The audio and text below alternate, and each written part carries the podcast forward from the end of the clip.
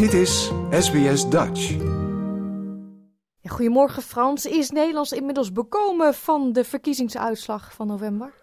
Nou ja, bekomen, bekomen, het is maar net hoe je het uh, ziet. Het, het, is nog steeds een vreemde eend in, in de Nederlandse bijt, deze uitslag. Dus er wordt een, nog veel op teruggekeken, columnisten en meer artikelen die het proberen te analyseren. Dat is al doorgaande. En als ik er met anderen over spreek, dat is wel iets waar, waar uh, veel mensen zich mee bezighouden. Ja. Dit weekend, ik kwam, ik kwam een heel erg, uh, uh, tenminste ik vond het een, een mooi artikel in de Volkskrant tegen. Eigenlijk met de vraag van veelzijdig of dubbelhartig. Dus dat gaat over een mens heeft uh, meerdere kanten. Heeft de leider van de PVV ook meerdere rollen in zich, is dan de vraag. Want het gaat erom van wie is deze meneer Geert Wilders? Uh, we kennen hem als, als provocerende oppositieleider. Maar in de rol van mogelijk toekomstige premier, ja, dat is gissen, dat is vragen en dat is zoeken. Dus deze Olaf Tempelman, die, die, die schrijft een stuk en dan ontleent hij dat uit uh, sociaal psychologie. En dan heeft hij het over situationisme. En dat is zoveel als van dat iemand zich anders gedraagt in een andere situatie. Hmm. En dan is de vraag of dat bij uh, Wilders zo is of niet. Um, en, en dat aanpassen aan de rol, dat wordt dan ook wel weer uh, normaliteitsbias genoemd. Daar heb je alweer zo'n Engels woord, bias. Ja. Dat men verwacht dat iemand in een bepaalde rol dan wel zo en zo zal gaan reageren. Want dat is de norm, dat is de normaliteit. Mm -hmm. Ja, dus nou er ja, wordt heel veel naar zijn persoon gekeken en wat hij gedaan heeft in het verleden. En hoe kan je dat ruimen met wat hij misschien nu gaat doen. Maar het feit is, de formatie die is aan de gang. Maar hoe gaat het daar dan mee? Want van tevoren werd al gezegd, die kloof is te groot. Ja, nou ja, wij zijn radiojournalisten, maar dat is radiostilte. Hè, zo wordt het genoemd. In december zijn ze begonnen en de afgelopen kerstperiode, of de, ja, vorig jaar kerstperiode, dus twee weken, zijn er geen uh, besprekingen geweest. En um, afgelopen week hebben zij drie dagen in de Zwaluweberg de gesprekken voortgezet. En dat is een landgoed wat, wat uh, eigendom is van de Nederlandse staat en waar men zich dan gewoon rustig kan terugtrekken. Oftewel, de anekdote dat uh, Geert Wilders uh, rustig met uh, Caroline van der Plas buiten kan lopen als zij een sigaretje wil roken. En in normale omstandigheden of normaal met de beveiligingsproblematiek rondom de persoon van Geert Wilders. Dat is niet mogelijk om dan even buiten een ommetje te maken. Daar kan dat wel. En je kan daar overnachten. Maar dat is vorige week gebeurd. En daar zijn dan verder geen uh, uitspraken over. Wat wel opviel, dat is dat de pers die staat ze dan natuurlijk wel op te wachten op het moment dat ze daar uh, naartoe gaan. En ook als ze eruit komen. En met het daar naar binnen gaan en de vraag aan Wilders of hij daar zin in had. Dat hij de gelegenheid gelijk pakt en dan zegt, beste vrienden van de pers. Nou ja, dat was dan voor mij echt zo'n voorbeeld. Jongen, jongen, jongen, wat kun jij prachtig acteren allemaal. Want een van zijn uitspraken is dat de pers is gewoon tuig.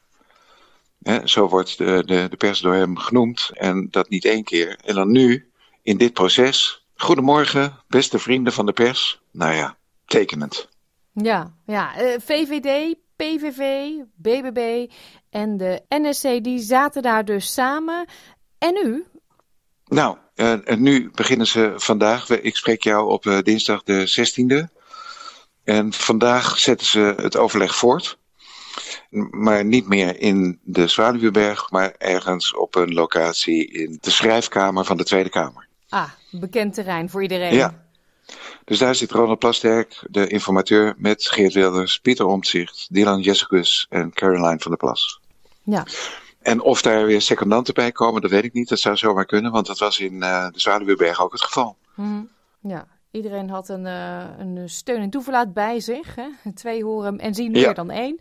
Uh, wat zijn nou de moeilijkste punten om het over eens te worden? Nou ja, het eerste is, kijk, zij hebben opdracht van de Tweede Kamer gekregen. Of tenminste, Ronald Plasterk die heeft die opdracht gekregen. En dat is om een gezamenlijke basislijn te vinden. Waarbij het waarborgen van grondwet, grondrechten en de democratische rechtsstaat verzekerd is. Dat is het eerste waarmee ze aan de gang zijn gegaan. En Pieter Omtzigt van NSC, die is dat gesprek ingegaan met een brief van drie kantjes. Waarin hij heeft aangegeven wat voor hem allemaal de redenen zijn waarom de PVV een, een, een probleem is als het gaat over rechtsstatelijkheid en het uh, in acht nemen van de grondwet. Dus dat is waar zij zich over hebben gebogen.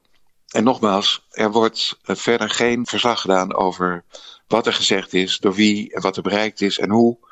Dus dat is, uh, dat is allemaal afwachten. Begin februari. En daar zijn, we, daar zijn we nog niet, dus ze kunnen nog twee weken doorpraten. Begin februari zou Ronald Plasterk verslag moeten doen aan de Tweede Kamer over zijn periode van informatie en wat hij heeft te melden aan wat hij heeft kunnen bereiken met dit viertal. Mm -hmm.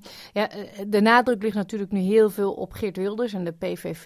Ja, dat komt, ja. wat je al zei, door wat hij in het verleden gezegd heeft, zijn standpunten, zijn wetsvoorstellen. Um, als ja. je die andere drie partijen pakt, zouden die heel gemakkelijk wel iets samen kunnen vormen? Dan zijn ze uiteraard minderheid, maar zijn, zitten die wel op één lijn?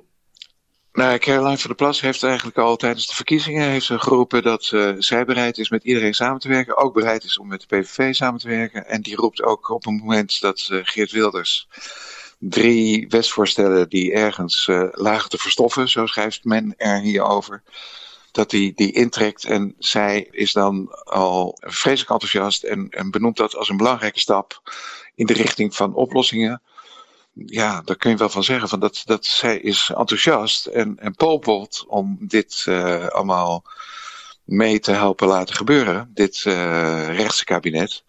De VVD is net als de NSC. Die staan aan de kant nog en zijn eventueel bereid om een kabinet met de PVV te gedogen. Maar om in het kabinet te gaan zitten, nou daar heeft de VVD duidelijke uitspraak over gedaan. Dat willen ze niet. En van Pieter Omtzigt is het gissen. We weten we niet precies uh, waar die nou staat. Of die uh, met uh, het blijven voeren van deze gesprekken daarmee aantoont dat hij wil om een coalitie mee te vormen, daar, of die daar is. Of dat het niet verder komt dan een eventueel gedogen. En in het ergste geval komen ze er niet uit. Ja. En dan hebben we, ja, de PVV zelf natuurlijk, ja. Dan, dan hebben we ze alle vier. Ja. Nou, um, zei je net al, Plasterk komt begin februari, dus dat duurt nog even. We zijn inmiddels wel bijna twee maanden na de verkiezingen, maar er zaten de feestdagen dus tussen. Um, ja. Als hij nou um, in februari komt en dan zegt, ja, dat wordt hem niet, dan begint het hele spelletje weer opnieuw, hè? Dan zou er uh, nieuwe verkiezingen moeten worden uitgeschreven. Als, het, als er dan blijkt dat er geen beweging in te krijgen is.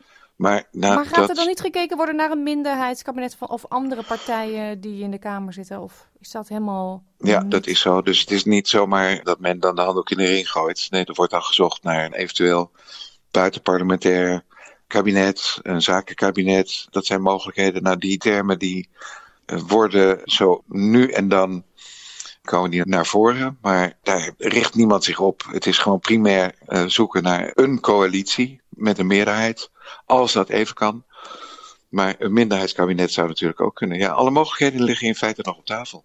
Hmm. Ja, als jij uh, zo alles op een rijtje zet, nou je krijgt eigenlijk helemaal niet zoveel mee. Maar uh, wat denk jij? Welke kant staat de wind op? nou, het is vreselijk lastig, inderdaad, door, door gebrek aan informatie, om, om er een uitspraak over te doen van, nou ja, welke kant zou het op kunnen gaan. En ook als ik er met anderen over spreek, dan niemand die durft er uh, een werkelijk uh, op aan te gaan. Maar sommigen die zeggen van nee, dit wordt absoluut een kabinet. Dit kan niet zonder deze vier. Een andere meerderheid is niet mogelijk. Nou, numeriek is dat zeker zo.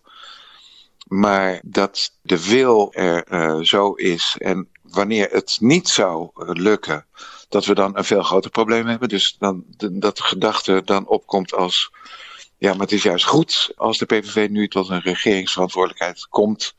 Ja, waaruit blijkt of ze, of ze wel of ja, waar, waaruit blijkt of ze wel of, of ze niet in staat zijn om uh, die rol te nemen.